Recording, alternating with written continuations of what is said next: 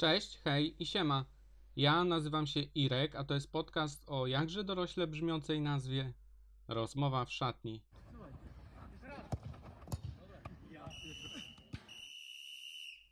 Postanowiłem sobie wypuszczać jeden odcinek podcastu na miesiąc.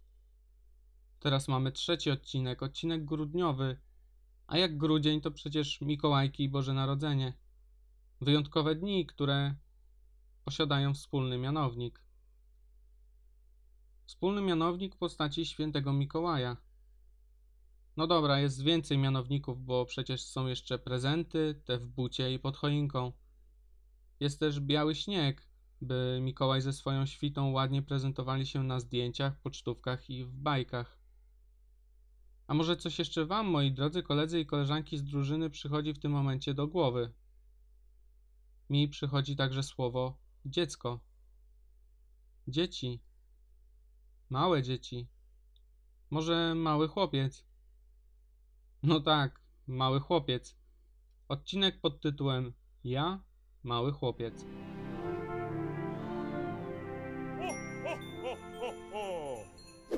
W odcinku chciałbym trochę podsumować wiedzę, jaką przez ostatni rok zebrałem na terapii oraz w ramach innych własnych działań poznawczych.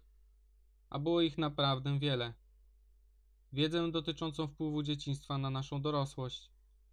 Wiedzę, która została potwierdzona wieloma badaniami, różnymi badaniami i w różnych latach. I co najważniejsze dla mnie, wiedzę, którą ja potwierdziłem i potwierdzam własnymi badaniami, rozgrywając mecz życia, przebywając aktualnie w szatni. Nie będę ukrywał, że pod kilkoma względami jest to dla mnie odcinek najtrudniejszy z tych trzech, jakie moje zdolne rączki wypuściły. Najtrudniejszy, gdyż wiąże się z trudnymi dla mnie emocjami, przywoływaniem wspomnień. Ale trudny też dlatego, że jest to tak szeroki obszar, że z jednej strony czuję dyskomfort pomijania istotnych spraw, a z drugiej zegartyka i odcinek nabrałby postać wielogodzinnego maratonu. W związku z tym, w ramach kompromisu, przyjąłem strategię, że pominę w tym odcinku wiele teorii, a skupię się na moim zdaniu na temat wpływu dzieciństwa na dorosłość, wskażę najważniejsze obszary według mnie, a na koniec odważę się i postaram dać osobisty przykład, jak pewne wydarzenia z dzieciństwa mogły mieć wpływ, czasem bardzo ukryty wpływ, na to, jak postrzegałem funkcjonowanie świata. Także zachęcam, byście zostali do końca odcinka. Od razu taka myśl z mojej strony, że przez większość mojego dorosłego życia patrzyłem na swoje dzieciństwo jak na coś, co przeminęło. Co było trudne, ale już tego nie ma. Mam pracę, rodzinę, jestem w relacjach. Myślałem sobie, było ciężko i dałem radę. Może dzięki temu teraz jestem silny. Ależ byłem w błędzie, gdyż dzieciństwo to nie jest film na Netflixie, który obejrzałeś i coś tam może przeżyłeś w trakcie oglądania Coś tam może zapamiętałeś i gdy się skończył ten film, to możesz oglądać następny lub iść spać. Dzieciństwo nie jest jak film. Jest jak odcinek serialu na Netflixie. Odcinek, w którym znaczna część sytuacji ma później wpływ na kolejne odcinki. Dzieciństwo to odcinek, po którym może nie możesz zasnąć. Może chcesz oglądać kolejne odcinki, odcinki dorosłości, lub masz ochotę wyłączyć wszystko i uciec jak najdalej od kolejnych odcinków. Traktowanie dzieciństwa jak film, a nie odcinek serialu, odcinanie grubą kreską dzieciństwa i dorosłości jest według mnie ryzykowne dla większości z nas. Zatrzymanie się na chwilę, poświęcenie czasu i energii na ten obszar, zastanowienie się nad jego wpływem jest według mnie konieczne i wartościowe. Co ciekawe, jest zasadne bez względu na to, jak myślimy o naszym dzieciństwie. Może tak jak ja, myślicie, że dzieciństwo wiele was nauczyło i dzięki temu jesteście silni, może uważacie, że byliście szczęśliwi i nie ma co analizować.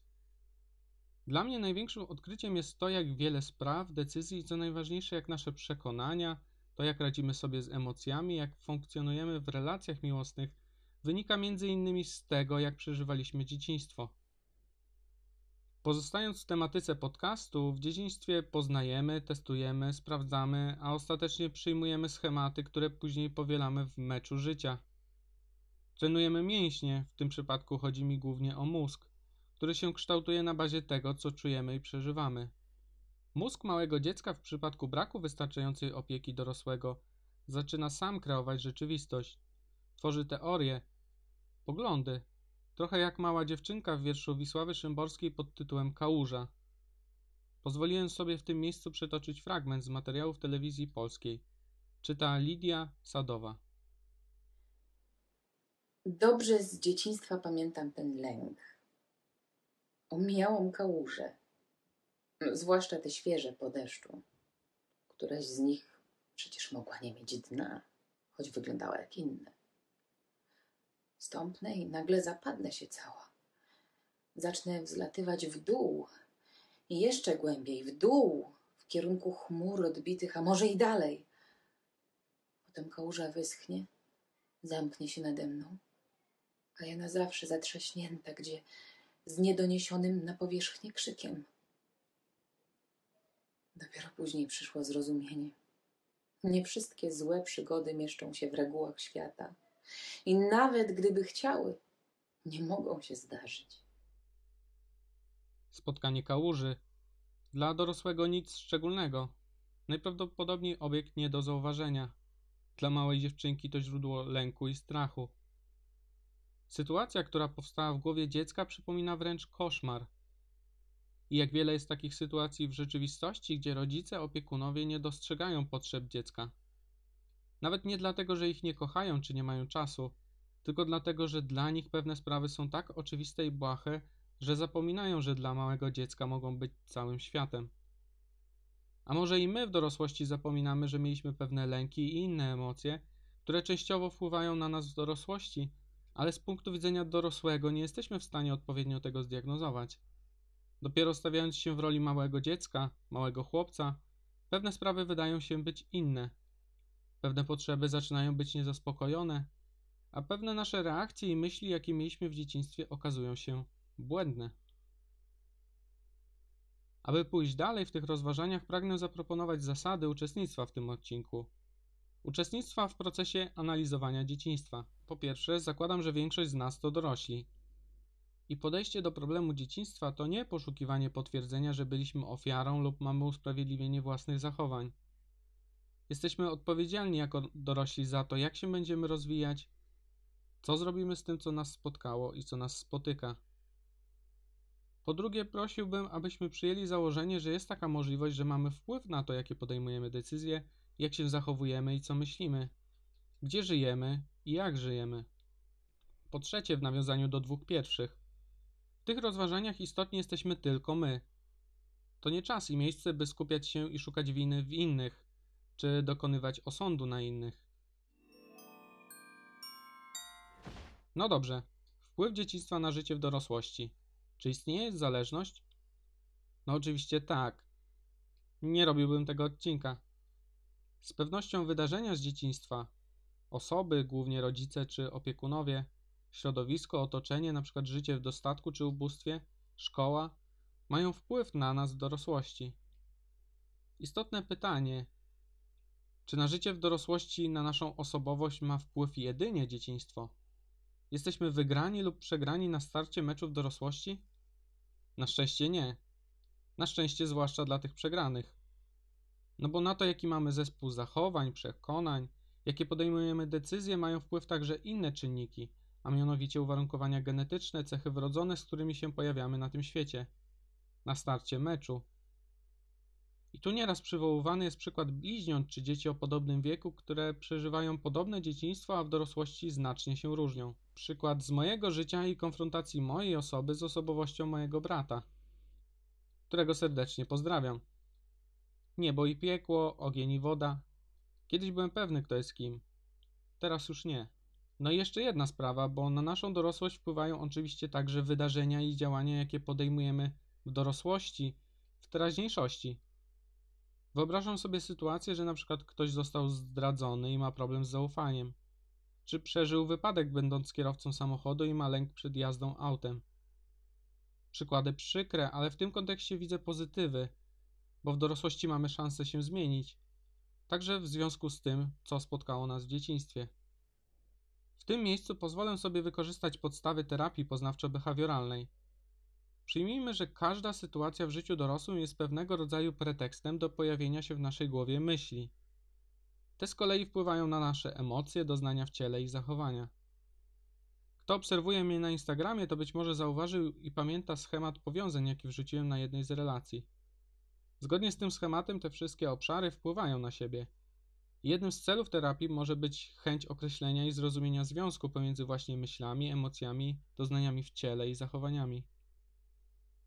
Niemniej nie o terapii jest ten odcinek, ja wykorzystam jedynie te wskazane obszary, by wrzucić co nieco tam z dzieciństwa. Czyli tak, dzieciństwo może mieć istotny wpływ na nasze myśli. Nasze myśli, czyli to, jak interpretujemy rzeczywistość, jakie wyznajemy zasady, mamy przekonania o sobie, o świecie i o przeszłości czy przyszłości.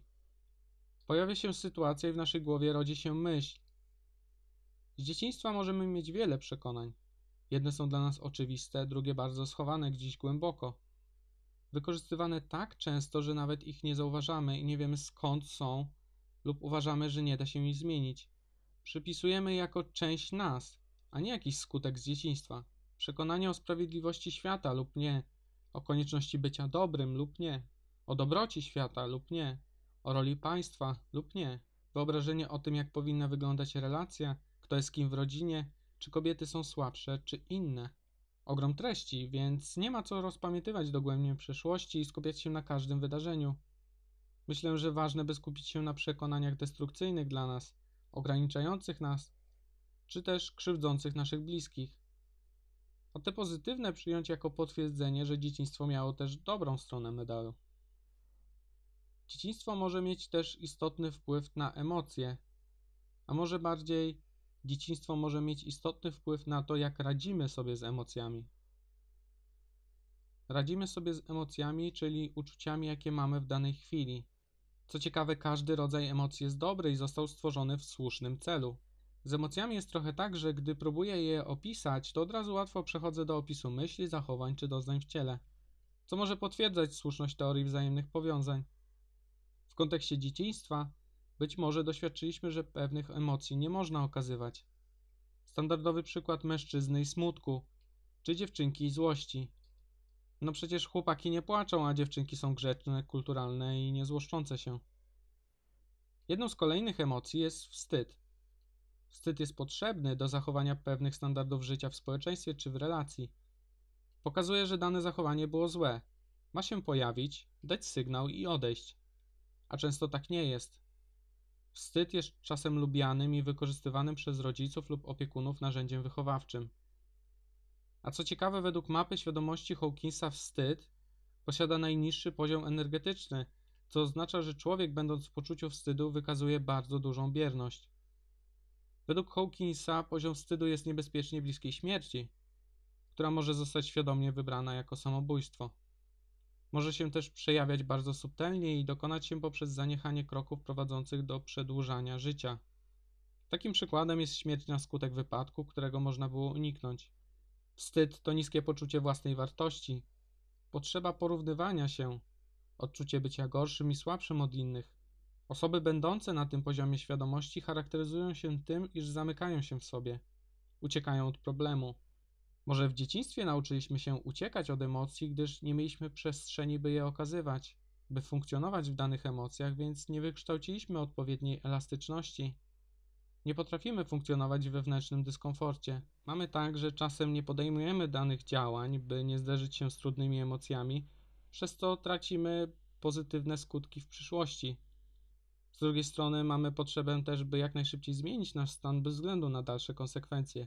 A konsekwencje emocji to także doznania z ciała. Trzeci czynnik, na który wpływ może mieć dzieciństwo. W tym miejscu chciałbym poruszyć bardzo ciekawy dla mnie aspekt wpływu dzieciństwa, który został potwierdzony badaniami, w tym badaniami mózgu. Okazuje się, że po narodzinach nie przybywa nam za bardzo komórek nerwowych, ale za to w dzieciństwie rozwijają się sieci powiązań pomiędzy istotnymi obszarami w mózgu. Pojawiają się nowe sieci, są rozwijane, a część jest wygaszana. W związku z tym, jeśli w dzieciństwie nie byliśmy odpowiednio zaopiekowani, to być może pewne obszary dysfunkcyjne rozwijaliśmy, a istotne i korzystne wygasiliśmy. Jeżeli chodzi o doznania w ciele, to kojarzą mi się one z traumami. Badania naukowe potwierdziły, że zmiany w mózgu, których przyczyną były traumy z dzieciństwa, Uruchamiają rozwój tzw. zaburzeń stresowo-wrażliwych, np. stanów lękowych, depresji, zespołów bólowych, żołądkowo-jelitowych, w tym zespołu jelita drażliwego. W ogólności stres kumulowany wewnątrz ciała wpływa na nasz stan zdrowia. Wpływa niekorzystnie, w tym innymi z uwagi na wysoki poziom kortyzolu. Na szczęście psychoterapia, jak i techniki medytacyjne pomagają zmienić okablowanie naszego mózgu, te sieci powiązań, o których wspominałem, gdyż mózg jest neuroplastyczny. Dzięki terapii, medytacji i uważności możemy zrozumieć, jak działa mózg. I wiedząc, gdzie znajdują się jego czułe punkty, a szczególnie wiążąc to z naszymi doświadczeniami, możemy unikać nadmiernych reakcji w ciele, które zdecydowanie nie służą nam i naszemu otoczeniu. Możemy też unikać niepożądanych zachowań. A co do zachowań, to jest to ostatni czynnik w sieci powiązań. Jako przykład mogę podać, że doświadczenie traumy w dzieciństwie może ostatecznie powodować zachowanie polegające na unikaniu cierpienia emocjonalnego poprzez działanie autodestruktywne, np. nadużywanie substancji psychoaktywnych, impulsywność, uszkadzanie własnego ciała, zaburzenia jedzenia, kompulsywny seks oraz inne reakcje pozornie świadczące o zaburzeniu osobowości. Jeżeli chodzi o zachowania, to kojarzy mi się to także z wpływem dzieciństwa na nasze relacje. Okazuje się, że to, jakie relacje i zachowania mieliśmy z naszymi rodzicami, opiekunami, w pewnym stopniu przenosimy na relacje np. miłosne. I kryje się tutaj pojęcie stylów przywiązania. A o nich planuję oddzielny odcinek, więc wspomnę tylko, że w ramach stylów przywiązania wyróżnia się styl bezpieczny, czyli styl prawidłowy, który pozwala budować stabilne relacje. Jest to styl, który tworzy się, gdy rodzic lub opiekun jest dostępny i wrażliwy. Adekwatnie reaguje i zapewnia potrzeby dziecka, sprawiając, że w dziecku, a później w dorosłości buduje się przekonanie o możliwości zapewnienia przez świat partnera danych potrzeb. Przekonanie o możliwości wymagania spełnienia tych potrzeb i tym samym występuje pewność u dorosłego do komunikowania i wyrażania danych emocji. W przypadku braku zapewnienia potrzeb w dzieciństwie kształtują się inne nieprawidłowe style, takie jak styl lękowy, unikowy i zdezorganizowany. Ale tak jak wspominałem, o tym będzie inny odcinek. Krótko podsumowując, uważam, że dzieciństwo ma istotny wpływ na naszą dorosłość. Temat jest jednak tak obszerny i różnorodny, że zachęcam do własnych rozważań. Można zacząć od tego, by zastanowić się, jakie trzy najgorsze cechy w sobie widzimy i dlaczego tak jest. Można też pomyśleć o naszej relacji miłosnej i ocenić, jaki styl przywiązania reprezentujemy.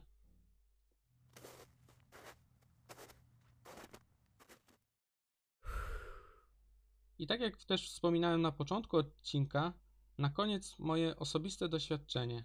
Mam wiele doświadczeń z dzieciństwa, jak pewnie każdy z Was. Występują różne powiązania, ale chciałem opowiedzieć pewną historię, pewnego przekonania. Ogólnie przekonania mogą być różne pod względem tego, jaki mają na nas wpływ.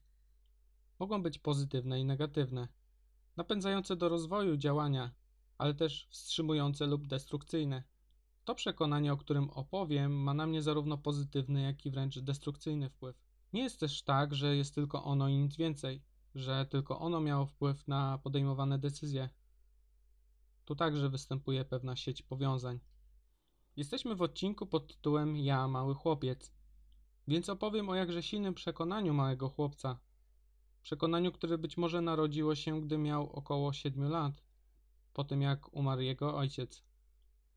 Z uwagi na emocje, jakie mi towarzyszą, mówię i będę mówił raczej w trzeciej osobie. Jestem ja, mały chłopiec, ale niech teraz będzie to po prostu dziecko.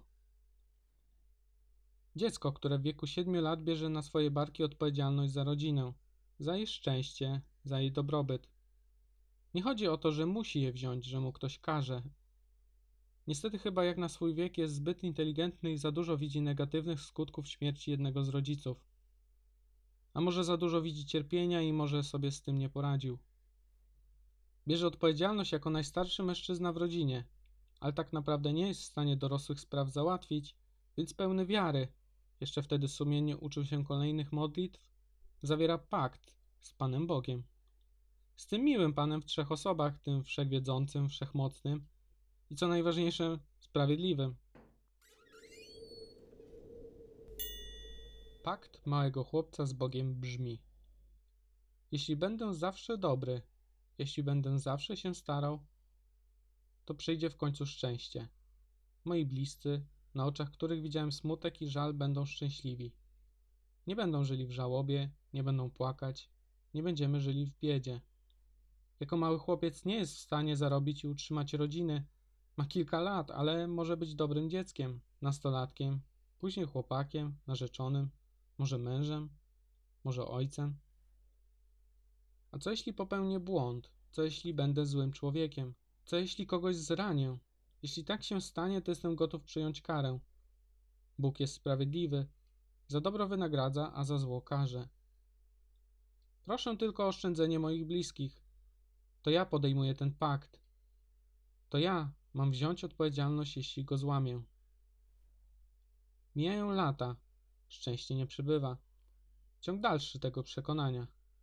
Straciłem jedną osobę mojego ojca, więc mogę stracić kolejną. To się zdarza. W późniejszym czasie umarł mój wujek, mąż mojej kuzynki. Podobno dobrzy ludzie, pomocni. Więc może pakt nie zadziała. Może Bóg nie jest sprawiedliwy i za dobro nie wynagradza. Pojawił się strach, że może pakt z Bogiem mnie nie uchroni od złego. Nie da mi i moim bliskim szczęścia. Ale dalej staram się być dobry. A gdy się bałem, zacząłem odmawiać bardzo dziwną modlitwę. Dziwną, jeśli myślę o niej teraz. Prosiłem Boga, że jeśli istnieje, to żeby nie robił krzywdy mojej rodzinie i bliskim, że przyjmuje wszystko na siebie, całe zło. Życie mi pokazuje, że już samo bycie dobrym nie wystarczy, trzeba być jeszcze męczennikiem. Pamiętam, że miałem wtedy około 18 lat, bo wymieniałem czasem w modlitwach moją dziewczynę, jej rodziców. A ostatni raz się pomodliłem, kiedy po bardzo burzliwej kłótni z moją dziewczyną dostałem telefon od mamy, że moja siostra rodzi. Jest źle. I żebym jechał do szpitala. Wpadłem do szpitala i widzę załamanego męża mojej siostry. On mnie chyba nie widzi i chyba płacze. Później, gdy podchodzę, mówi, że jest źle, że przez chwilę myślał, że dziecko nie żyje, ale jeszcze nie wiadomo. Po chwili szwagier odchodzi, zostaje sam ze swoją dziewczyną na korytarzu szpitala.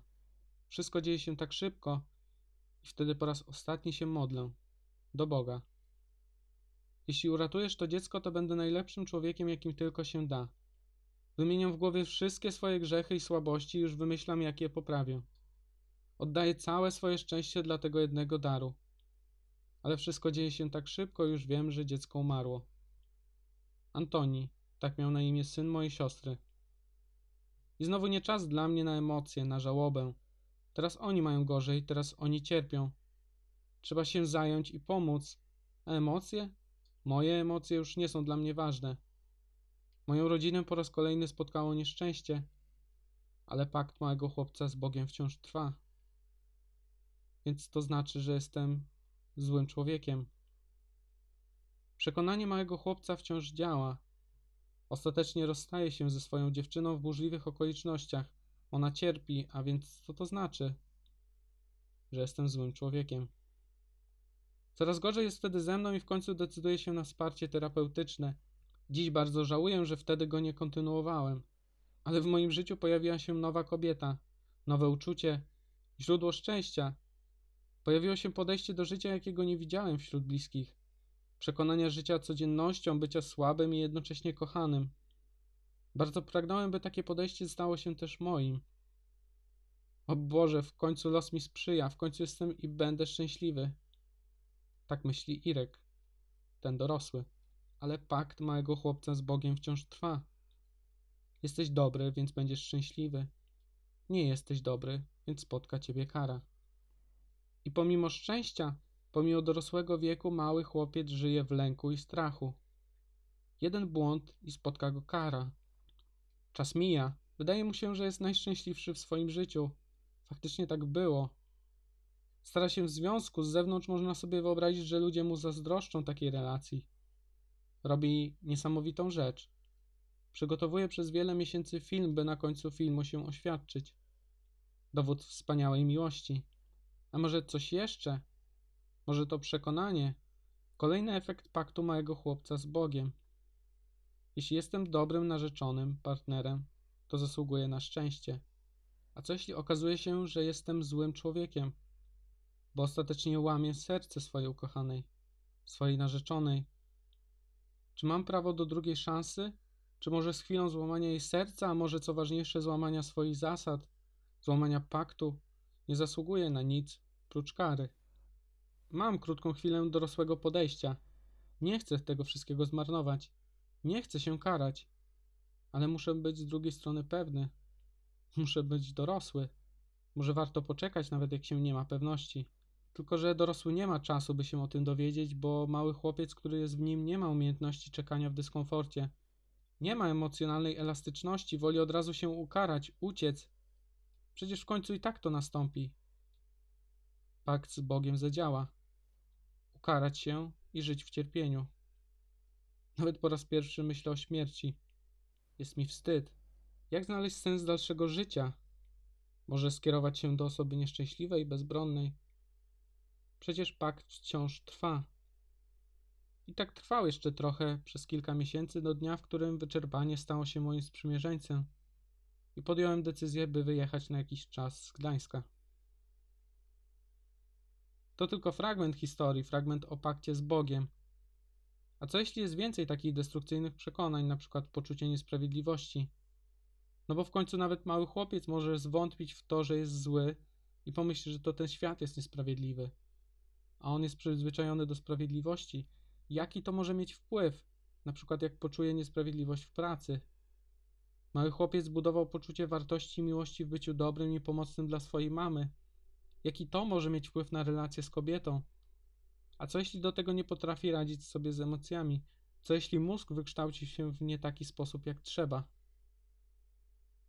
W tym miejscu wracam do pierwszej zasady, jaką przytoczyłem w tym odcinku. Jesteśmy odpowiedzialni jako dorośli za to, jak się będziemy rozwijać, co zrobimy z tym, co nas spotkało i co nas spotyka. Mały chłopiec jest już zirkiem, z tym dorosłym. A oni są ambitni, chcą być szczęśliwi i mają na to szansę.